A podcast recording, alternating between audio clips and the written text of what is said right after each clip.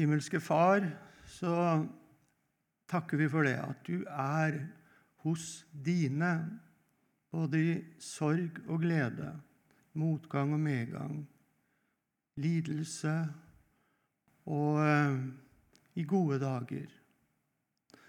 Takk, Herre, at vi kan oppleve det, at når livet er tungt, og vi synes vi ikke orker og ikke klarer, så bærer du, så er du sterk, og at eh, du er alt vi trenger til, også da.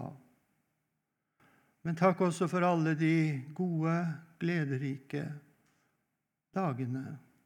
Du gir glede og gode dager, og du oppdrar oss for ditt rike gjennom kors og trengsel. Så takker vi deg, Herre, du som er vår Far, for alle ting.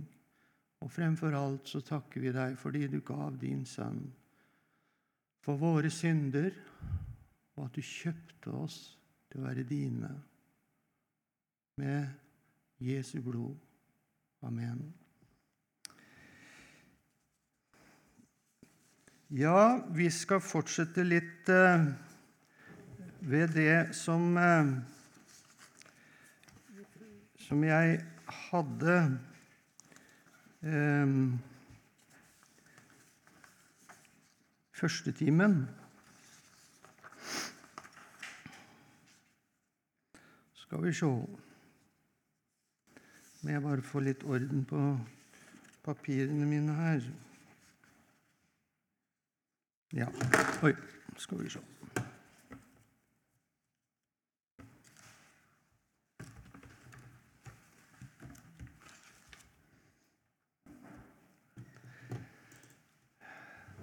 Vi var innom dette her med fortrenging av smertene, lindre smertene, eh, disse tingene her.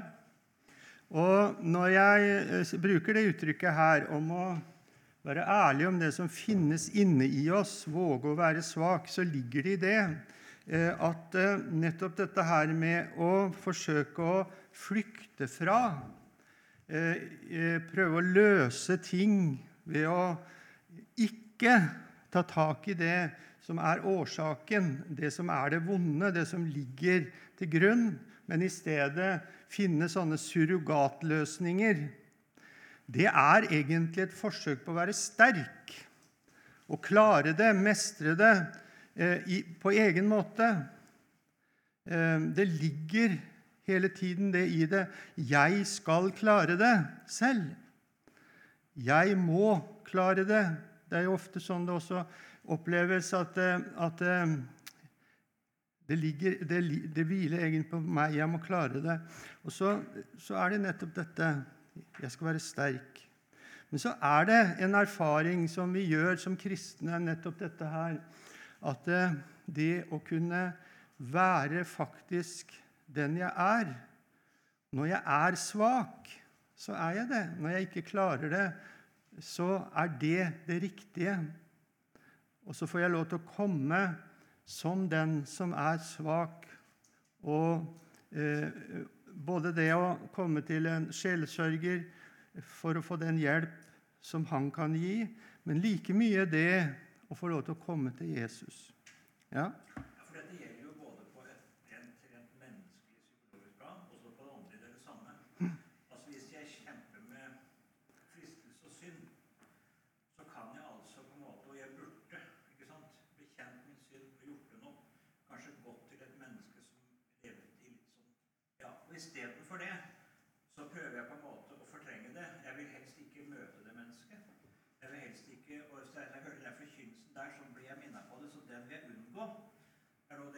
Prøver mm. også å kompensere, kanskje, ved å være veldig åndelig. Mm. Og, altså, sånn, det er forsvarsmekanismer framfor oppgjøret. Mm. Men sånn er det også på et, på et, eh, på et, uh, psykisk plan. så det gjelder akkurat det samme uh, som rent menneske. Derfor så er det sånn uh, Kanskje for seinere så kan du ha noen eksempler. For det blir sånn Når du ser det for deg, så vet du at det er den usunne måten. Mm.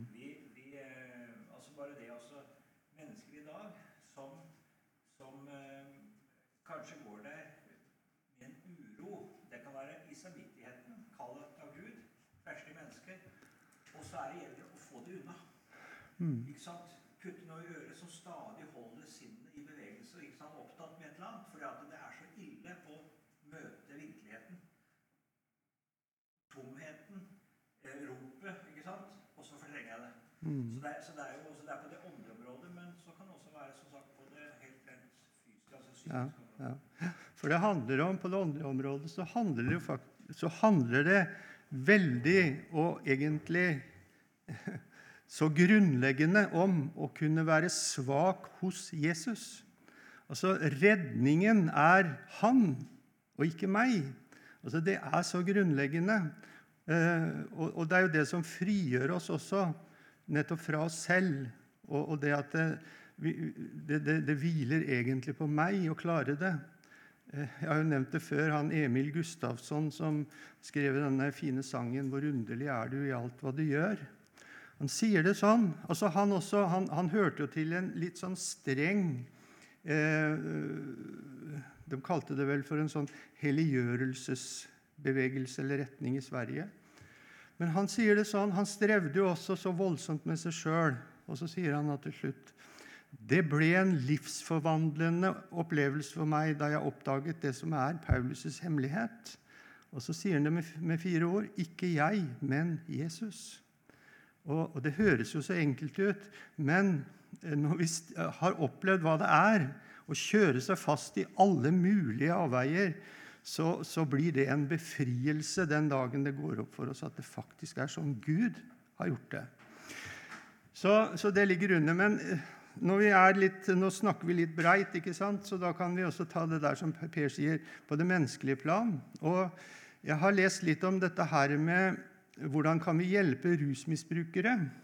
Og da sier de som jobber med dette her, at det, det er faktisk først når de skjønner at 'dette klarer jeg ikke', at du har en mulighet til å hjelpe dem ut av det. Ehm, Så lenge de tror at 'jeg klarer det', så er muligheten til å gi den hjelpen som faktisk de trenger, den er ikke der. Men, men når de kapitulerer overfor seg selv og overfor det de står overfor, så, så åpner det også for mulighet til å ta imot hjelp. Da. Så eh. Ja. Jeg tror det, eh, vi opplevde noen, kjenner noen som havna i rus, som tenkte aldri skulle gjøre det. Og jeg tror noe av det her, det er også det. En ting er at, ikke- eh, altså, men man kanskje også tenker at 'jeg har rett'. Og Istedenfor altså å erkjenne det og bekjenne det at 'jeg har skyld'. Mm, mm, Altså f.eks. et ødelagt ekteskap. Ja. Så lenge du tenker 'jeg har rett', og du, og du får på nikket støtte, og du blir fortvilt og syns synd på deg sjøl, og så istedenfor å ta det kardinaloppgjøret med seg sjøl Jeg er faktisk jeg er skyld i problemet. Så kan rusen. Ja. Og da blir løgnen altså det vet jeg som rusen, Da kommer løgnen inn, og så blir det bare forferdelig. mm, Og eh, det er på en måte å holde Da blir det å holde deg på avstand, for at en, en klarer ikke å ta det eh, En tenker jo kanskje det at hvis ekteskapet eller kona kommer tilbake, så er det løs, løsningen. Men hvor det løsningen på det personlige plan, mm. det er å erkjenne det at eh, jeg er ikke uten her. Jeg må bære så mye ansvar. Men det flykter jeg unna. Ja, altså Det er en viktig, viktig side, akkurat det der. Altså, Vi trenger å komme i kontakt med det som finnes på, på under overflaten, altså det som er årsak til. Eh, og det er, jo, det er jo nettopp det å komme, som Bibelen også kaller for å komme til sannhetserkjennelse. Det, det er en viktig side, altså. Eh, så eh, skal jeg si litt om dette her med Når man opplever ting i livet som, som mange sier det ødelegger livet mitt. Eh, det oppleves fryktelig tungt og vondt. eh, mange, det kan være mange forskjellige ting. Og da er det jo Eh, de aller fleste de, de tenker jo nettopp det at, at da må, må det skje en forandring til på omstendighetene. Jeg må bli helbreda. Eller eh, hvis det er en økonomisk krise, så må, må, må, det ordne seg. Jeg må komme ut av denne krisen. Eh, det er mange sånne Eller hvis det er i ekteskap, da. Altså, nå må vi bare komme ut av det. Mange, mange sånne situasjoner. Og det, det er sånt som vi står overfor. Vi møter mennesker i nød. Og da er det to sider av dette eh, når vi ser et menneske foran oss. Og det er dette her at eh, jeg står overfor et menneske hvor det finnes altså en mulighet, eh, eller det å kunne se det mennesket i det lys at her er det en hvis dette mennesket får komme til Jesus, og det får et liv i Han, så er det jo det som er det største som kan skje i dette menneskets liv. Altså at vi har det. Altså Vi skal ikke bare hjelpe dem ut av en vanskelig situasjon sånn rent menneskelig, men det er noe mer. Et, et menneske i Jesus Kristus. Se det. Eh, det hører også med.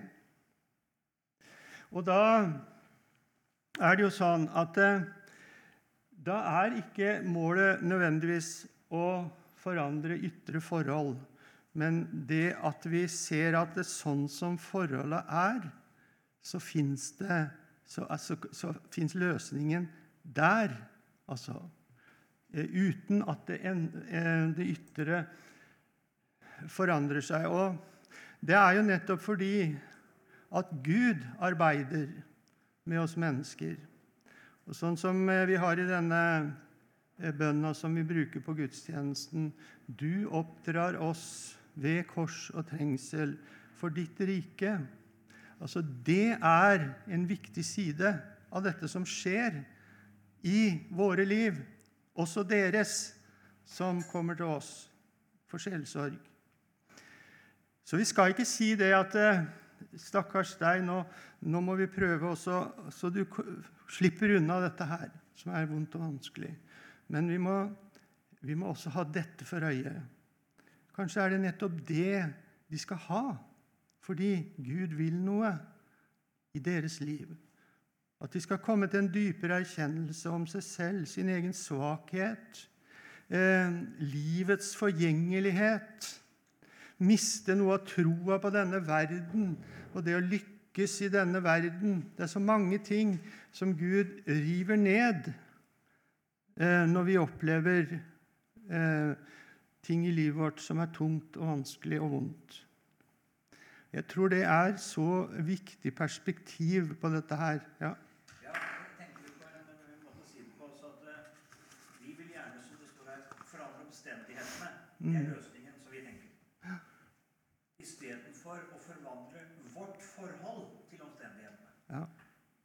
hvis jeg er syk og jeg må bli frisk, istedenfor at jeg skal altså få hjelp til å bære sykdommen på en sunn og rett kristelig måte. Mm. Et vanskelig menneske, og det mennesket må forandre seg, eller vi må, ja, vi må bli kvitt det eller på en eller annen måte. ikke sant? Nei. Hvordan skal jeg forholde meg til det mennesket på en sann kristelig måte? Mm. Det er et kors er på meg, det mennesket der. Det må jeg leve med. Men hvordan skal jeg forholde meg rett? Mm. Altså, Vi vil gjerne løse problemet ved å få det vekk på en eller annen måte. Mm. Mens ofte ligger altså eh, Så er det ikke noe du skal få vekk. Altså Tornen i kjødet, den må du leve med. Men hvordan leve med den? Ja. ja. Og Det er jo denne setningen her som jeg tok fram uh, forrige gang også. Um, når Gud helbreder uh, Det var den boka til Joni Eriksson. Uh, og Da er det jo nettopp det at det, det er bitterheten. Det er anklagen. Det er stoltheten. Altså, Veldig ofte så er det jo nettopp sånn at det, som gjør vondt i livet, det kan henge sammen med det at det, det er min ærekjærhet, det er min stolthet, det er min egoisme, det er min selvhevdelse som egentlig skuddet har blitt retta imot. Og Derfor så gjør det så vondt. og så skal liksom det som er årsaken til det, skal fjernes. Nei, det er jo nettopp det som sitter her inne, som har med synden å gjøre i livet mitt. Og alle de andre tingene som også påvirker i forhold til det der med, med skuffelse og eh, eh skamfølelse. Det er mange sånne ting som er inne i bildet. Som, så, så, er det der egentlig problemet ligger. Og det er der sjelesorgen også kan få betydning eh, eh, for disse menneskene her. Jeg syns det der er en veldig fin setning. Eh, vår dypeste nød er Guds rikeste anledning, er det en som har sagt. Eh, det er sant, altså, når Eh, vi er i, den, i, det at Gud får arbeide med oss. Det er klart at det, Hvis det ender i forherdelse og bitterhet og alt det der, så blir det jo ikke noe godt ut av det. Men, men der hvor, hvor, vi får være under Guds arbeid, og, og, det, og det, skjer noe med oss eh, gjennom det, så kan nettopp det være denne inngangen til noe, eh, noe som åpner for det som Gud vil gi oss. Eh, også gjennom det. Vi har jo dette eh, verset i Hosea 2,15 som nok har noe av det samme i seg. Jeg vil gjøre Akors dal til en håpets dør for henne. Altså Akors dal, det var ulykkens dal. Det var det forferdelige, grufulle, egentlig. Eh, og Gud han sendte jo sitt folk ut i ørkenen, står det der i, i Hosea. og de, de, hadde det vondt, og de, det, de, led nød. Men så sier altså Gud dette her, eh, denne nøden, det vil jeg gjøre til en håpets dør, altså en inngang for deg til omvendelse, til et fornyet liv med meg, til en, kanskje en større åpenbaring inn i disse åndelige sannheter og rikdommer som finnes for oss. Og Det samme kan vi få være med på. Og Da er det stort å få lov til å være sjelesørger. Hvis du kan få lov til å hjelpe et menneske fra denne ørkenvandringen fordi at eh, vi er så bundet eh, i alt vårt eget og det jordiske og det menneskelige, og så over til å få se inn i disse åndelige rikdommen, hva vi eier i Jesus Kristus, hva hans død og oppstandelse betyr for oss, det som er det grunnleggende. At jeg er død oppstanden med Jesus, at han har, han har tatt oss med gjennom døden til livet på den andre siden av graven. Jeg er veldig glad i det uttrykket der, fordi eh, det er der hemmeligheten ligger. At i Jesus Kristus så har han faktisk tatt oss med seg på den andre siden, det nye livet sammen med Jesus, som har disse, e, dette evighetsperspektivet. Det er det ene. Men, men det, det, er så ufattelig store muligheter også for livet eh, for et menneske nettopp i dette her. Å få være på den andre siden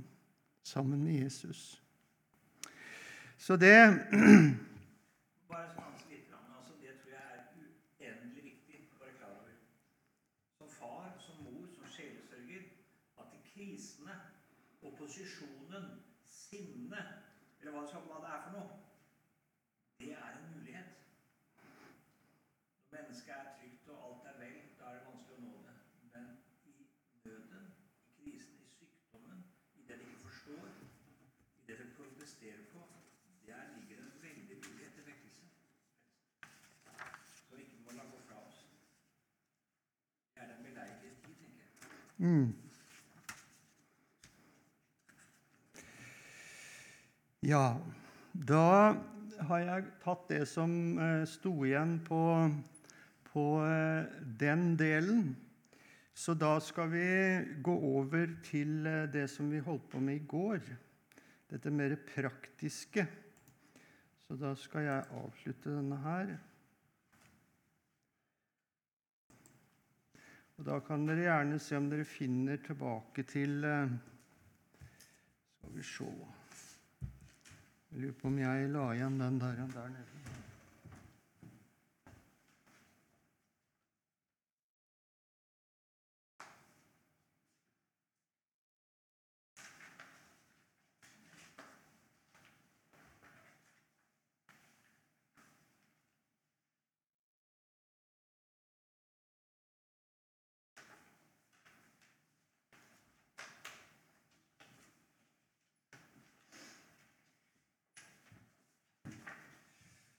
Jeg sa i går, da, så,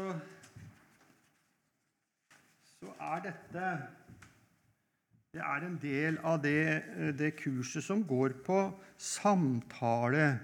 Eh, eh, på en måte metodikken, praktiske ting eh, omkring dette her med, med samtale. Skal vi se eh, Jeg snakka litt om dette med lineære og sirkulære spørsmål.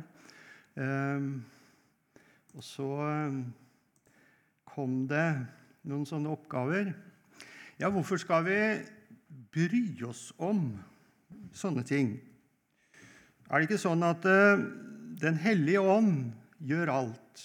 Det er den som virker og utretter i, i, i, forhold til mennesker i en sånn sjelesorg hvor det handler om egentlig å, å, komme i et rett forhold til Gud.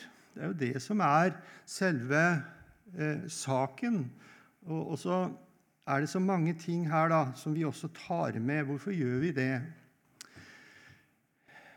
Det er sant, det, at det, det er helt avgjørende at det, Den hellige ånd er med og virker. Det er bare han som kan utrette det som er større. Altså, Vi er begrenset. Tolstoy har sagt det veldig treffende at Gud er den ubegrensede alt og mennesket hans begrensede skapning. Altså, vi, vi er veldig begrensa, men så innenfor vår begrensning så kan vi altså få lov til å være med allikevel. Og også i samtalen. Og da er det sånn at når vi sitter overfor et menneske og skal samtale Og målet er jo hele tiden dette her at, det, at vi skal nå dem. Eller det, det som vi har å gi, som er verdifullt, det skal nå inn til dem. Ehm, og da er det ikke sånn at det er likegyldig hvordan vi sier ting. Vi kan stenge og stoppe en prosess med måten vi spør på, snakker på.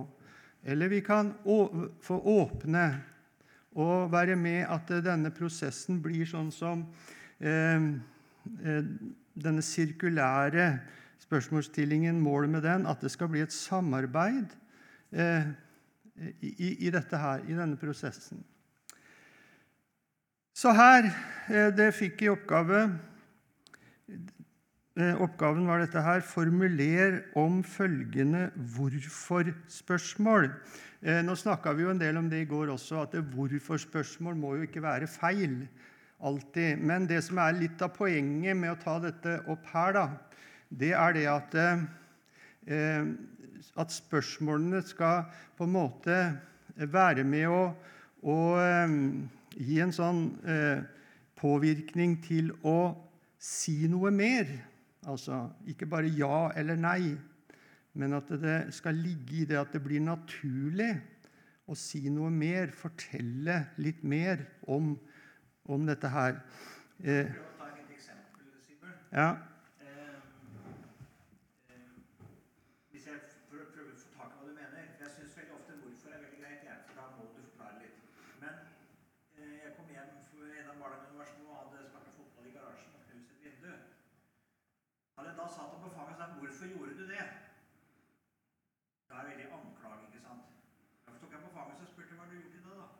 Ja. ja. Eh, jeg ville få ham for å fortelle, ikke sant? Eh, og så håpet han Det er noe med sannheten i hjertet siden, så det er veldig fint hvis en bekjennelse kommer, og så en på en måte forteller uten at du blir liksom anklagen. For det har noe med sannheten og, og redeligheten å gjøre. Så hvis det er det du tenker på, så tenker jeg at da er det å begynne rett på sak. Da kan det være bedre å kanskje begynne eh, litt om litt videre ja. Og så kan man lede spørsmålet innover. Men, men veldig ofte så er ikke sant, Hvor er du? Hvorfor ser du ned for deg? Altså hvorfor, at Ofte så er det ganske åpent. Men ja. noen ganger så kan det bli for direkte. det kan det. Ja. Eh, og nå ser jeg jo faktisk det at eh, nå vinkler jeg det feil. Fordi at eh, eh, spørsmålet, første spørsmålet 'Hvorfor tenker du på denne måten?' Det er jo ikke et ja-nei-spørsmål. Det kommer faktisk seinere, så nå, nå bomma jeg litt. Men eh, poenget er nettopp det som du sier, at et sånt spørsmål vil lett oppfattes litt sånn anklagende. 'Hvorfor sa du det?' Ikke sant? Eh, 'Hvorfor tenker du på den måten?' Ja, hvordan skal vi formulere det på en annen måte, som er litt mer eh, åpen? Har dere tenkt noe på det? Altså,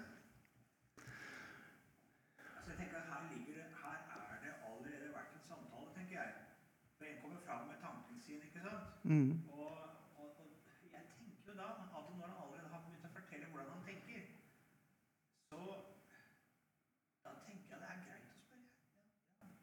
Hvorfor tenker du på den måten? Litt om hvordan du ordlegger deg. Hvordan Ja, trykket. 'Hvorfor tenker du sånn', da? Det er så veldig mm. avklarende, men ja, hvor, altså jeg tror det, du, kan, du kan på en måte stille spørsmål ganske åpent, litt sånn nysgjerrig. Mm. Eh, så poenget her altså, det er å få denne til å fortelle mer. Mm. Og jeg tror at egentlig er hvorfor ganske bra, men, men jeg, skjønner hva det, hva det vil. Ja.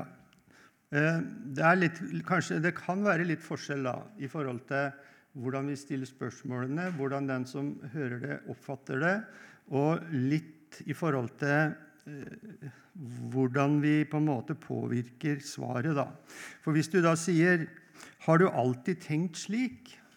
så, så ligger det kanskje en sånn litt til å fortelle litt mer, da. Ikke sant? Eh, hvorfor ble du så sint? Eh, så kan vi spørre ble du veldig provosert av det der. Eh, hvorfor sa du ingenting? Eh, var det vanskelig for deg å svare på det? Eller, ikke sant? Det er litt sånne tenke alternativer og på en måte jobbe litt med det, da. Det er en, en del av det som vi som sjelsørgere kan. Eh, ja.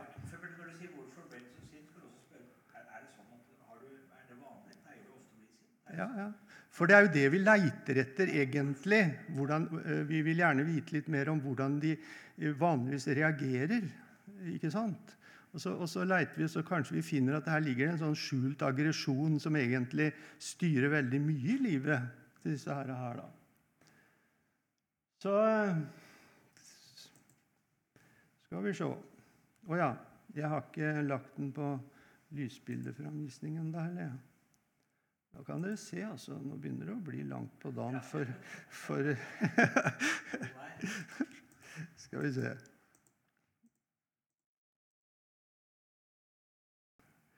Eh, spørsmål Altså, da kommer de da, trekker de det litt videre.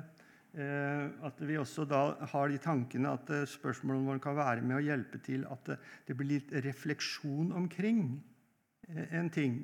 For det, det er jo hele tida dette her vi ønsker å være med og bidra til. At, at de sjøl skal bli mer bevisst hva som både finnes, og hva som foregår i dem selv.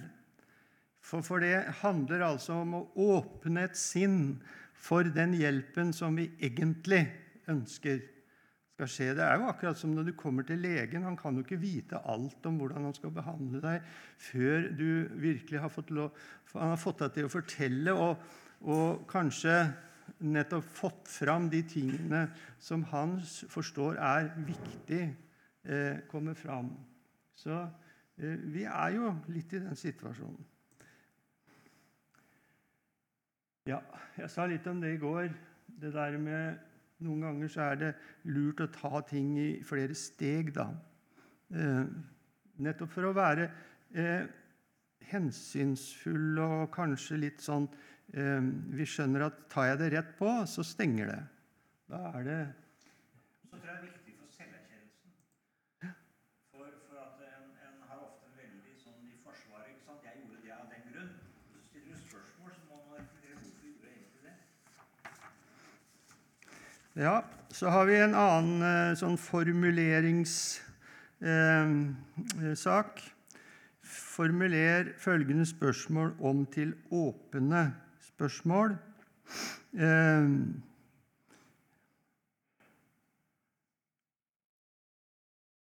har dette å gjøre med fortiden din? der har vi jo litt sånn ja eller nei, ikke sant? Eh, med åpne spørsmål så inviterer vi til refleksjon, til eh, å fortelle historien. Så hvordan kan vi ta den?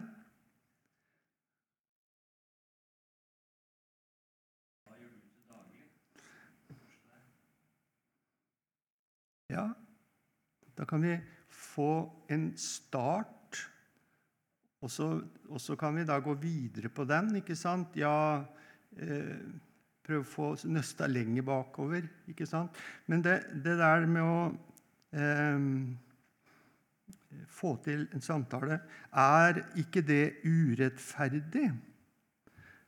Da kan jeg si jo, det er urettferdig. Eller hvordan kan vi spørre for å, for å slippe den reaksjonen, men i stedet få en, en sånn hvor, han, hvor, den personen på en måte opplever ditt spørsmål positivt, inviterende, i forhold til at du vil gjerne høre hans, eh, hvordan han oppfatter ting. Ikke, og Da er det jo gjerne også sånn her da, at eh, han har fortalt noen ting til deg. Og så, Du merker jo med en gang at det, han syns det er urettferdig. Og så, så tar du det spørsmålet da for å reflektere litt mer rundt det. Hvordan eh, vil dere spurt da? Har du samme spørsmål som oss nå? Det er på neste bilde, tror jeg. Det der, ja. Nå er jeg helt utafor. Beklager, beklager. Nå er jeg helt utafor. Hm. Nei, du var ikke med. Jeg så ikke på det. Jeg så på arket mitt. Jeg, vet du. Men um... Men jeg skjønner veldig altså Det er viktig, viktig det du sier. Ja, men vi kan se på den. så det er greit, det. Ja.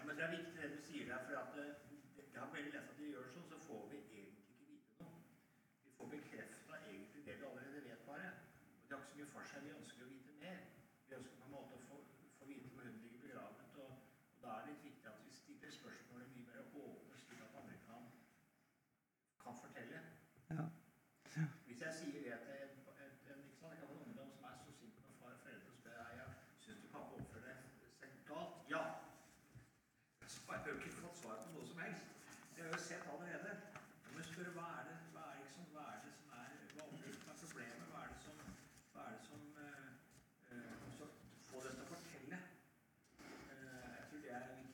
Nå er jeg funnet riktig ark her, se. Det gikk litt uh, uh, i surr her. Um, åpne spørsmål. Uh, hvis du googler på det, da, så sier de det at åpne spørsmål det er ofte spørsmål som begynner med 'hva' eller 'hvordan'. litt sånne innledende fraser i de spørsmåla.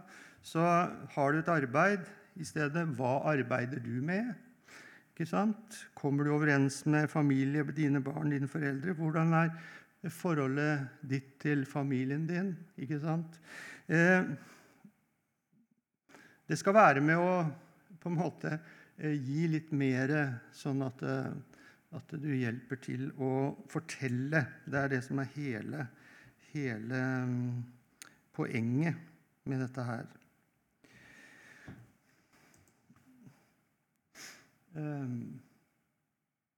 Det samme her. Det var kanskje den jeg var på i stad, da. Ja. ja. Så da har vi jo titta Eller jeg har titta på det, men ikke dere. ja. Har dette å gjøre med fortiden din? Er det noe du husker fra fortida di? Ikke sant? Eh, mange sånne. Tenk litt på det. Det fordi at eh, når vi er i den situasjonen, så kan det faktisk være det som er det avgjørende. Eh, om den personen vi snakker med, ønsker å prate videre med oss. For det kan jo hende at vi faktisk er den personen de trenger å snakke med. Og at det er vi som, som har den erfaring eller den innsikt eller de muligheter som faktisk de trenger for å få den hjelpa som som de eh, behøver. Og så Da er det jo fryktelig dumt eller sørgelig leit hvis at vi, vi rett og slett bare ødelegger den fordi at vi er så klossete med måten vi prater på. Et moment der vi husker vi hadde Ester her i går som snakket til meg som hadde altså en sånn veldig sånn vrangforestilling at det skulle komme til å gro på. Det er litt av det også her. Ja, Du kan altså i en sånn samtale la den, og så bare spør du oppfølgingsspørsmål. Og under samtalen så skjønner den du snakker med, at jeg tenker jo helt feil. Mm, Jeg har hatt all skyld på mamma og pappa, Ja. mm, Men det er jo helt feil. For at en begynner å legge ut, og du får oppfordringsspørsmål, så plutselig så ser du det at Nei, jeg har tenkt. Jeg har, jeg har, ja. Det er viktig, altså. Hvis jeg da møter det på en måte og skal fortelle det med en gang, så bare bekrefter jeg på en måte vrangforestillingen. Når du får lov til å også legge ut og, og liksom, og, liksom ordentlig brodere det ut, og du bare Ja, ja, og så så er det sånn at eh, da er det en del Det er opplevd, altså. mm, Da ser de at eh, Nei, her har jeg faktisk gjort Jeg snakker om ungdommer som har opplevd det der. Og det Mm. altså Da løser jo problemet seg. Altså, det, det er ikke alle som det løses på den måten. Det er noen det sitter litt fast i, og det er urettferdig beskyldning og alt mulig sånt. Men, men altså Det er den derre mer lyttende holdningen mm, og som tar på alvor, og ikke nødvendigvis får rett imot, men kan det være kjempeviktig. ja. Ja, og her er det, her er det mm, masse å lære. Eh, og for den som, som eh, ønsker eller ja, er i en sånn situasjon at dette er jo helt Det er, det er veldig aktuelt, så, så, så er det bra å jobbe med det. Prøve å fordype seg i det. Så for meg så har det vært veldig nyttig å ta fram dette her på nytt igjen nå. Det er noen år siden jeg var igjennom det. Men, men så ser jeg ja, men dette her er jo veldig aktuelt fortsatt. Og bra å få repetert. Kan ta en helt annet eksempel, bare for å vise hvordan jeg tror du tenker. Altså, Det var en som kom til meg, og det var mente var en veldig urettferdighet. Det var jeg som hadde gjort noe helt feil. Og så sier jeg ja, det kan nok godt hende det at jeg har gjort feil. Det var alt riktig. Alt var, tror du at det hadde løst saken? Mhm. Da skjønte personen at det- problemet ligger et annet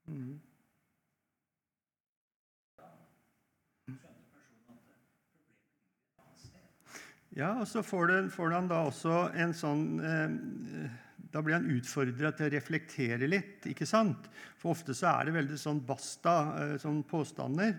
Og liksom, det er bare sånn det er. Men så, så med en gang du blir utfordra til å begynne å reflektere omkring din egen tanke Og det er jo det som er veldig viktig. Det hører jo med i det som vi kaller for kognitiv terapi, som er en veldig viktig del av det som har med, med terapi eh, å gjøre. Endring av tanker, tankemønster, eh, i hele tatt innstilling. Eh, veldig mye er jo styrt av hvordan vi tenker.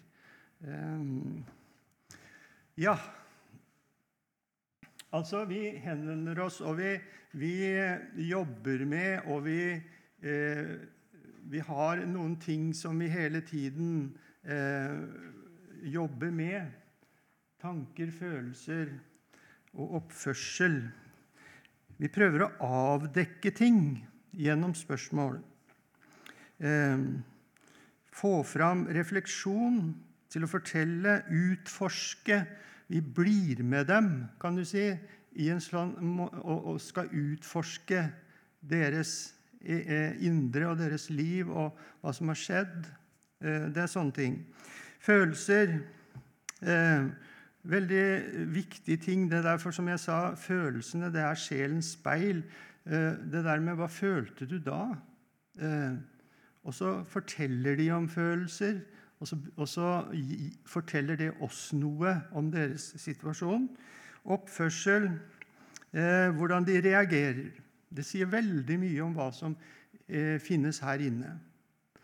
Er du oppfarende og sint, ja, så, så er det et eller annet som er eh, blitt feil her inne. Ja, Da tror jeg det er pause.